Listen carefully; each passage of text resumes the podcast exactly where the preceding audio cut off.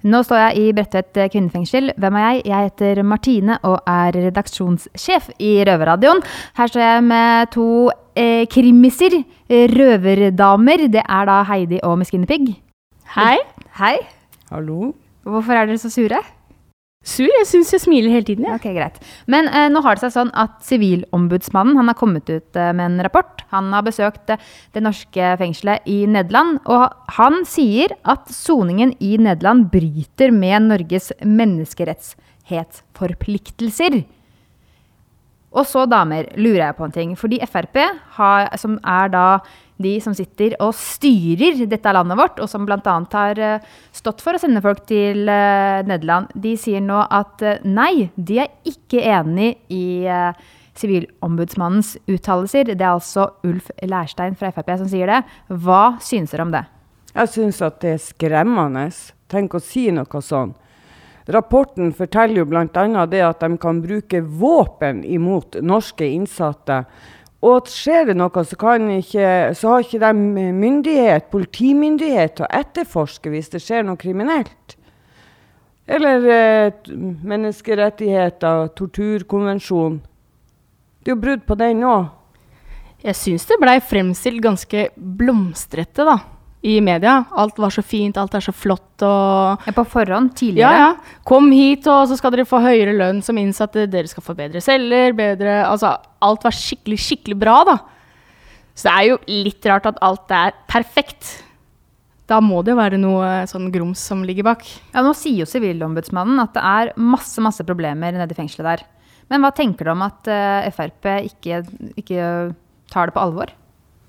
Jeg syns det er trist at de ikke skjønner det at de burde brukt pengene her i Norge. Kanskje bygde et nytt fengsel, i hvert fall rusta opp de fengslene som allerede er.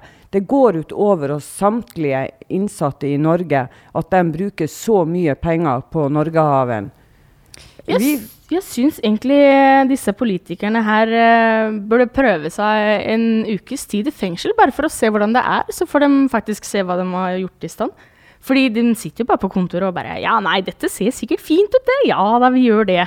En ukes tid i nederlandsk fengsel, da. For, for eksempel. Eller i et eller annet crappy fengsel et eller annet sted. Altså hvor som helst, da. Prøve fengsel, liksom. Jenter, det har jo også kommet fram at uh, de innsatte nede i Nederland uh, ruser seg ganske mye. At det er ganske uh, lettvint å finne rus der. At det er mange som har også kommet ned, ikke brukt rus tidligere. Og så har de begynt å nesten bli avhengig mens de er der nede. Hva tenker dere om at det er så lett å ruse seg der nede? Jeg tenker først, Det første som faller meg inn, da, det er jo progresjon. Hvis du på en måte du har gjort en kriminell handling, da, du skal på en måte lære av den og ikke gjøre den igjen. Og det at du da ruser deg, om det så er hasj altså, Ikke det at jeg er ekspert på dette, her, for jeg driver ikke med noe narkotika. Men jeg, det jeg tenker da, er at det vil hemme progresjonen din. hemme dine, altså Du lærer jo ikke noe av deg selv. Ja. ja. Helt klart det vil hemme rehabiliteringa.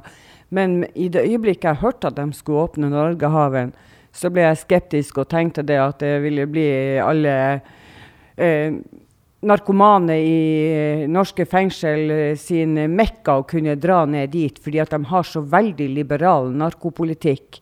De kan bare røyke seg og dø, være bedøvd gjennom hele soninga. Har dere en oppfordring til Frp nå på slutten? Og regjeringa, da, kanskje? Skjerp dere, legg ned Norgehaven, sats pengene her hjemme på oss innsatte. Styrk fengslene som allerede er, eventuelt prioritere å bygge et nytt et, og ikke bruke eh, hundretusenvis av kroner, eller for ikke snakk om millionbeløp, eh, på flikk å reparere på flere hundre års gammel fengsel. Det er i skam. Det var siste ord i den saken der.